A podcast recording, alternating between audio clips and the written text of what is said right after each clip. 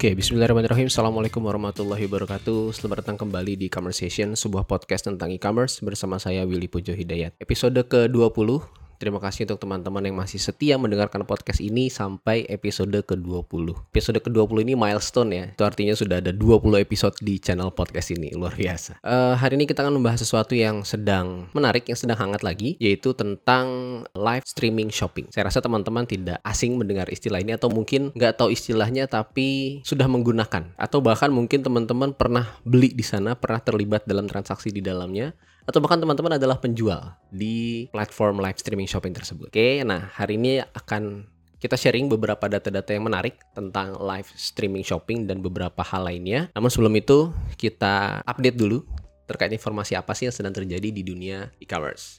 Oke, hari ini saya akan update terkait performa tiga perusahaan e-commerce ya, atau marketplace yang sudah melantai di bursa saham. Yang pertama ada dari Blibli. Oke, Blibli.com ini revenue-nya meningkat atau pendapatannya meningkat 72% dari 8 triliun menjadi 15 triliun. Ini data full year tahun 2022. Menarik ya, dari 8 triliun menjadi 15 triliun. Dengan TPV atau Total Processing Value yang juga meningkat 89% dari 4 segmentasi luar biasa. Namun, nah ini kerugiannya juga meningkat dari 3 triliun menjadi 5 triliun. Tapi kalau menurut saya ini agak cukup wajar ya. Artinya seingat saya sih beberapa perusahaan lain juga di tahun saat dia mengalami IPO itu juga ada sedikit peningkatan uh, kerugian. Mungkin ada cost yang harus dikeluarkan untuk IPO ya kita juga kurang tahu. Nah dari ini masih dibeli-beli untuk segmentasi first party retail jadi Blibli itu ada first party, ada third party, pihak pertama, pihak ketiga yang berkontribusi cukup tinggi terhadap revenue. Jadi kalau kita lihat breakdownnya, first party retail itu 2021 6,7 triliun dan di 2022 itu 8,9 triliun. Besar sekali ya. Dan kontribusi tertinggi berada di physical stores. Luar biasa dengan pertumbuhan 298% dari 892 miliar menjadi 3,5 triliun. Dan update terakhir dari Blibli yaitu Blibli menjual seluruh sahamnya di GoTo dengan nilai sekitar 3,8 triliun. Jadi kalau teman-teman baca di sahamnya Blibli eh sahamnya Tokopedia atau GoTo, itu ada Blibli di sana. Namun mereka jual seluruhnya dengan nilai kurang lebih di 3,8 triliun. Itu update terakhir dari Blibli. Kemudian yang kedua dari Bukalapak. Nah, ini ada berita menarik dari Bukalapak yaitu Bukalapak mencetak laba bersih di 1,9 triliun sepanjang tahun 2022. Wow, congrats banget untuk Bukalapak. Revenue-nya meningkat dari 1,8 triliun menjadi 3,6 triliun. Weh, keren. Di tahun 2021 mereka rugi 1,6 triliun dan di 2022 mereka untung 1,9 triliun. Wah, tepuk tangan deh untuk Bukalapak ya. Awalnya agak skeptis ya, termasuk saya awalnya agak skeptis mau dibawa ke mana ini Bukalapak. Tapi ternyata hebat. CEO-nya luar biasa ya, tim di dalamnya luar biasa. Congrats Bukalapak. Dan kalau kita breakdown lagi, ini masih di Bukalapak. Kalau kita breakdown lagi, kontribusi mitra ya atau online to offline itu cukup tinggi terhadap revenue. Jadi kalau tadi si beli-beli itu ada di first party retail, kalau di Bukalapak itu ada di Mitra dari 764 miliar menjadi 1,9 triliun. Kemudian dari marketplace dari 990 miliar menjadi 1,5 triliun. Ini kalau dilihat kita bandingkan ya side to side antara Bukalapak dengan Blibli ini kalau secara nominal masih lebih tinggi Blibli ya dari mulai physical stores atau kalau di Bukalapak itu Mitra dan di marketplace. Kalau di Blibli tadi yang di physical store sampai 3,5 triliun di 2022, kalau di Bukalapak di 1,5 triliun, setengahnya kurang lebih. Dan yang terakhir dari GoTo. Nah, ini banyak hal menarik di GoTo ya. Jadi revenue GoTo Group meningkat dari 4,5 triliun menjadi 11 triliun. Luar biasa. Kemudian di semua segmentasi mengalami kenaikan dari Gojek ya ride hailing, kemudian dari e-commerce, dan produk-produk turunannya semuanya mengalami uh, kenaikan pendapatan. Namun kerugiannya ini saya rasa saya salah baca atau gimana ya? Rugi tahun berjalannya hampir 40 triliun. Omsetnya 11 triliun, kerugiannya 40 triliun. Ini sepertinya ada yang harus diperbaiki di dalam di internal GoTo ya. Semoga bisa menyusul Bukalapak segera profit atau minimal kerugiannya tidak sejauh itu bisa seperti beli-beli ya mungkin rasionya masih mungkin masih masuk akal. Oke, mungkin itu aja update dari tiga perusahaan e-commerce yang sudah melantai di bursa. Sekarang kita masuk ke materi utama di podcast hari ini. Seperti saya katakan di awal, hari ini kita akan membahas tentang sebuah fenomena berbelanja online. Kalau menurut saya bahasa saya itu adalah tanah abang itu pindah ke live streaming. Jadi menjajakan dagangannya sudah bukan lagi di toko offline di Tanah Abang tapi pindah ke beberapa platform uh, live streaming shopping. Oke, jadi gini. Jadi kebutuhan orang terhadap berbelanja online itu udah nggak lagi sekedar pemenuhan kebutuhan saja, tapi juga untuk mencari hiburan, betul ya? Dan datanya hampir sebagian besar itu orang berbelanja online untuk kebutuhan hiburan. Jadi seperti beli pakaian, merchandise ya, atau mungkin makanan-makanan yang lagi viral. Bahkan untuk produk yang kayaknya sih nggak perlu-perlu amat gitu, tapi viral. Jadi akhirnya mereka mau beli. Jadi bukan sekedar memenuhi kebutuhan, tapi juga untuk entertain, ya, untuk hiburan gitu. Nah, jadi ya berbelanja online tidak hanya lagi untuk mendapatkan produk yang dibutuhkan, namun juga untuk hiburan. Salah satunya dengan live streaming shopping. Nah, Anderson Horowitz dalam blognya menyebut fenomena ini sebagai shopatainment. Jadi sebuah fenomena berbelanja untuk kebutuhan hiburan. Jadi nggak sekedar lagi sebagai pemenuhan kebutuhan, melainkan juga untuk hiburan. Nah, di segmen kali ini kita akan membahas dua bab besar. Yang pertama tentang live streaming dan yang kedua tentang discovery based shopping. Itu juga nggak kalah menarik. Oke, yang pertama kita bahas dulu tentang live streaming. Jadi terkait live streaming ini kan viral atau tidaknya satu produk itu atau tren itu kan biasanya disebabkan oleh media sosial ya. Jadi kalau dari media sosial itu viral, pasti salah satu produk atau satu tren itu atau challenge tersebut juga viral gitu loh. Jadi makin masif dan lebih dari sekedar sarana untuk uh, flexing aja. Jadi sosial media sekarang juga bisa men menjadi sarana untuk mendapatkan keuntungan. Jadi beberapa perusahaan e-commerce berpikir untuk mensinergikan antara sosial media dan e-commerce. Karena dengan engagement dan akses langsung ke produk bisa membuat transaksi semakin tinggi. Dan akhirnya belakangan ini kita kenal ada TikTok Shop. Saya rasa teman-teman gak asing dengan istilah ini. Jadi fitur belanja yang dikembangkan oleh TikTok yang notabene adalah sosial media. Jadi sosial media sekarang punya fitur commerce. Nilainya ini menarik. Jadi di Asia Tenggara itu TikTok itu sudah mencapai transaksi di dalamnya itu sudah mencapai 66 triliun dan di Cina sendiri sudah mencapai 3155 triliun ini gede banget ini ngalahin APBN Indonesia kayaknya. Gak kalah dari TikTok Shop, sebaliknya kalau tadi perusahaan sosial media bikin e-commerce, menambahkan fitur commerce, di sini perusahaan e-commerce mengembangkan fitur sosial media.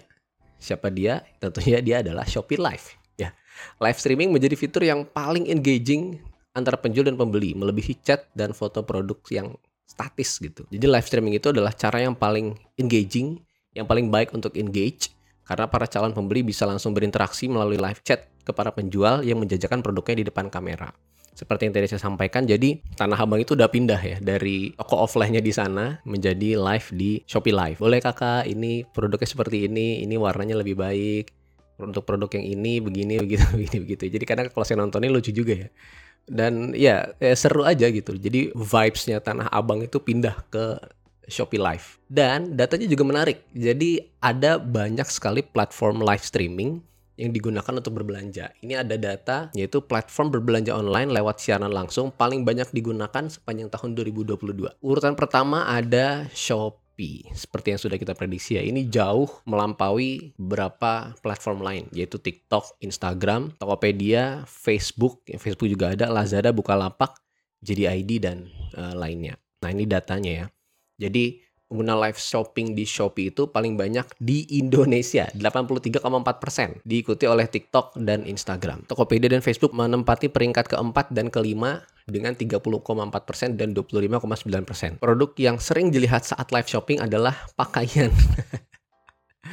Produk kecantikan, peralatan rumah tangga, makanan, tanaman, dan produk lainnya. Ini emang ya cukup wajar sih. Dan kemudian 55% dari responden survei membeli barang dari live shopping. Jadi dari 100 orang, itu 55 orang pernah beli di live shopping. Dan 45%-nya bilang belum pernah. Jadi cuma nonton aja gitu. Adapun survei Jackpot tersebut dilakukan terhadap 2.700 responden pada 5 Juni 2022. Ini saya rasa tahun ini bisa lebih meningkat lagi ya karena banyak orang-orang di sekitar saya udah mulai belanja dari live shopping TikTok. Dan selain di Asia Tenggara atau di Indonesia, di US ini juga sama. Jadi menurut survei di US sana, kurang dari setengah dari orang dewasa Gen Z dan milenial menyadari atau aware terhadap live streaming shopping. Dan 86% mengatakan mereka puas dengan pengalaman mereka.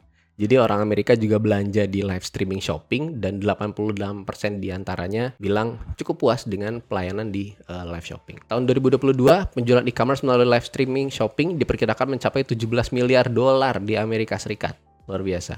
Dan diprediksi tahun 2026 itu bisa mencapai tiga kali lipat atau sekitar 55 miliar dolar Amerika Serikat. Nah kalau di Indonesia itu TikTok, kalau di Amerika itu namanya What Not.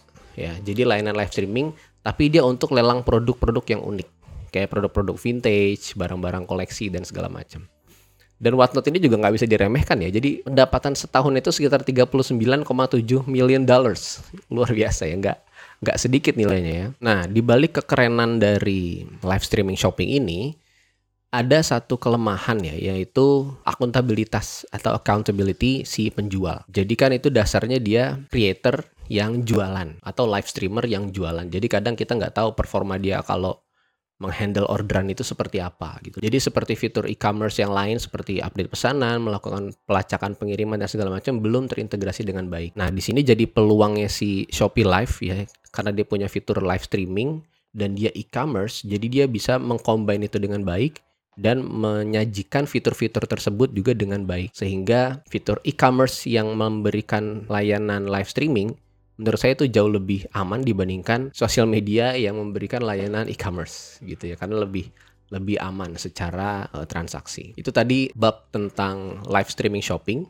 Sekarang kita masuk ke bab kedua yaitu tentang discovery based shopping. Apa sih discovery based shopping itu ya? Jadi gini, bayangin teman-teman ada aplikasi berbelanja seperti Shopee atau Tokopedia yang customizable dan sesuai dengan minat kita. Atau mudahnya gini deh. Jadi teman-teman tahu FYP eh, TikTok ya, for your page TikTok.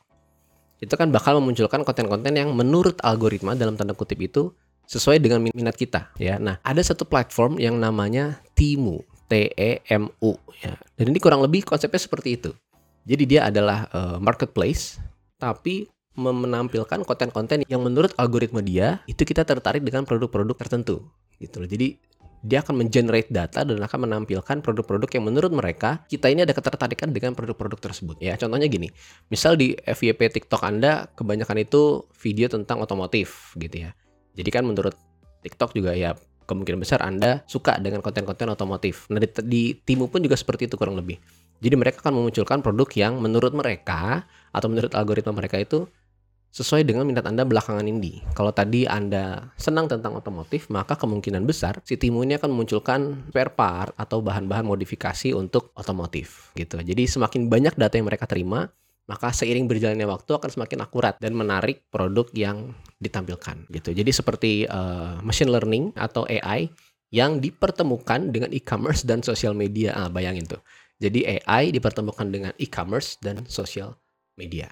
Menarik ya. Oke, nah Timu atau THMU ini adalah aplikasi dari Cina yang belakangan ini viral di US. Sekitar 41 juta kunjungan ya atau unduhan sepanjang bulan November dan Desember tahun 2022. Ini tinggi banget dan akhirnya menempatkan Timu di posisi ke-15 website yang cukup banyak diakses setelah Amazon. Nomor satunya tetap Amazon ya, yang kedua Walmart, Etsy, Target dan segala macam. Timu ada di posisi 12, mengalahkan Walgreens, Shine dan Kroger. Nah, Timo ini sebetulnya 11-12 dengan uh, AliExpress, kalau teman-teman tahu AliExpress ya. Namun menurut informasi, Timo ini lebih baik karena dikirim dari gudang PIN 22 atau PDD. Nah, PDD ini ternyata holding company dari Timo, yang artinya ada inspeksi produk dari pihak PDD. Jadi dari supplier itu masuk dulu ke gudangnya PIN 22, baru kemudian dikirim ke customer. Nah, ini sekedar informasi atau intermezzo aja ya. Kalau PDD atau PIN 22 itu adalah holding company-nya Timo yang mengirim sekitar 200 juta paket keluar Cina setiap hari. 200 juta paket keluar Cina setiap hari luar biasa. Dan kalau belum tahu, Pin22 itu adalah e-commerce grosir. Jadi kalau teman-teman belinya lebih banyak, maka harganya akan lebih murah. Nah, dia tuh kalau beli banyak kan kita paling butuh satu gitu ya, atau butuh dua. Kita bisa ngajak orang, ayo beli yuk, beli barang, beli barang. Udah berapa nih? Udah 10 orang, lebih murah gitu. Baru nanti di uh, check out. Itu cukup cerdas menurut saya caranya ya. Oke, balik lagi. Jadi tapi perbedaan Timu dan AliExpress ini, kalau AliExpress ini itu sepenuhnya tanggung jawab si penjual. Jadi baik itu pemrosesan, pengiriman, itu semuanya full tanggung jawab si penjual. Sedangkan si Timu yang mengirim adalah Timunya sendiri. Jadi mungkin perbedaannya seperti first party di Blibli dan third party di Blibli. Jadi kalau first party di Blibli itu dia ngirim dari gudang mereka, dari hub mereka. Berbeda dengan yang third party dikirim dari pihak ketiga yang artinya dari penjual di luar hubnya Blibli. Namun di sisi lain, karena AliExpress ini menghubungkan langsung dengan penjual, jadinya harga yang didapat itu bisa lebih murah. Dan kita bisa interaksi langsung dengan manufacturer. Jadi mungkin kita bisa nego dan segala macam. Nah, shipment atau kebijakan refund ini yang menjadi keunggulan Timu ya. Jadi Timu me menyajikan atau menawarkan shipment yang lebih cepat di 7 sampai 15 hari. Sedangkan mungkin AliExpress itu bisa di sekitar maksimal itu 45 hari. Mungkin karena holding company-nya itu lebih berpengalaman ya mengirim paket jadi mungkin bisa lebih cepat. Dan model bisnis discovery shopping ini, ini sepengetahuan saya ya, sebetulnya udah lama disounding oleh Facebook yang sekarang jadi Meta. Jadi Facebook itu punya data audience. Meta punya data audience yang butuh sesuatu. Nah, penjual punya produk yang match dengan profil audience tersebut. Jadi semakin akurat data aktivitas digital Meta kumpulkan, maka semakin besar peluang kecocokan dengan produk yang disajikan oleh penjual. Akhirnya match, tapi kita harus bayar. Mungkin ini istilah lain dari Facebooknya saja sih kalau menurut saya. Jadi pada akhirnya juga kita harus membayar untuk menggunakan fitur tersebut. Tapi kan konsepnya kurang lebih sama ya. Jadi secara garis besar sama-sama menampilkan produk yang menurut algoritma seseorang itu tertarik dengan produk tersebut berdasarkan data aktivitas digital. Kadang iklan Facebook itu kita mungkin merasa terganggu gitu ya. Kita merasa kayaknya kok ini kok muncul iklan mulu gitu ya. Tapi datanya ini data dari Meta ya. 87% itu pembelanja online yang disurvei di Indonesia mengaku bahwa mereka tidak keberatan menemukan produk baru yang sesuai dengan minat atau kebutuhan mereka.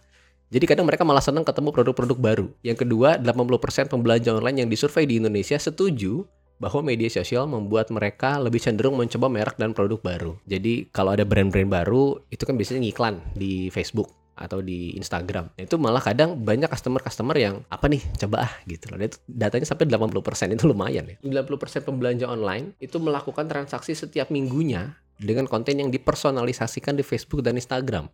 Jadi bayangin itu aja yang berbayar. Bagaimana dengan Timu? Transaksinya pasti akan lebih luar biasa ya. Sudahlah customizable, machine learning atau AI based. Kemudian dia menawarkan produk yang tidak juga sangat mahal. Paling berapa dolar saja. Dan pengiriman yang cepat. Itu masif sekali. Mendisrupsi marketnya Amazon ya. Jadi asumsi kita terkait produk-produk yang mungkin disturbing atau annoying itu mungkin cuma segelintir orang aja yang merasakan. Karena dari data Facebook itu sebesar ini datanya ya. 87% pengguna tadi merasa tidak keberatan, 80% mereka mencoba produk baru, dan 90% itu pasti melakukan pembelian setiap minggunya. Jadi data-datanya cukup menarik dan itu tadi data terakhir tentang discovery based shopping. Jadi tadi kalau kita summarize ada dua bab besar dalam Shoppertainment ini. Yang pertama yaitu live streaming shopping dan yang kedua yaitu tentang discovery based shopping. Oke, kita coba summarize dulu. Yang pertama, berbelanja online sekarang bukan lagi sekedar uh, fulfilling ya atau pemenuhan kebutuhan, tapi juga untuk hiburan.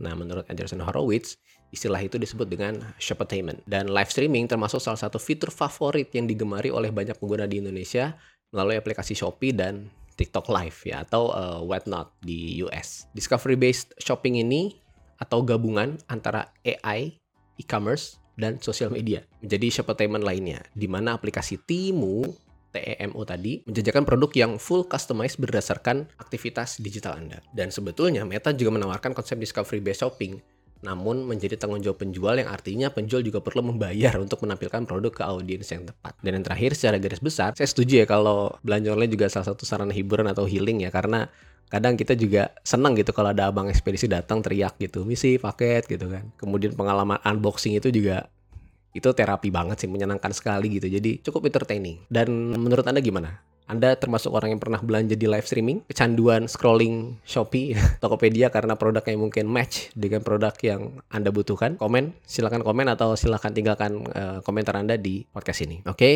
itu aja dari saya di episode ke-20 ini. Terima kasih sudah mendengarkan podcast ini sampai sejauh ini ya sudah hampir 25 menit. Jangan lupa bagikan podcast ini sekiranya teman-teman rasa podcast ini bermanfaat. Dan jangan lupa subscribe ya. Sekarang Spotify sudah ada tombol subscribe.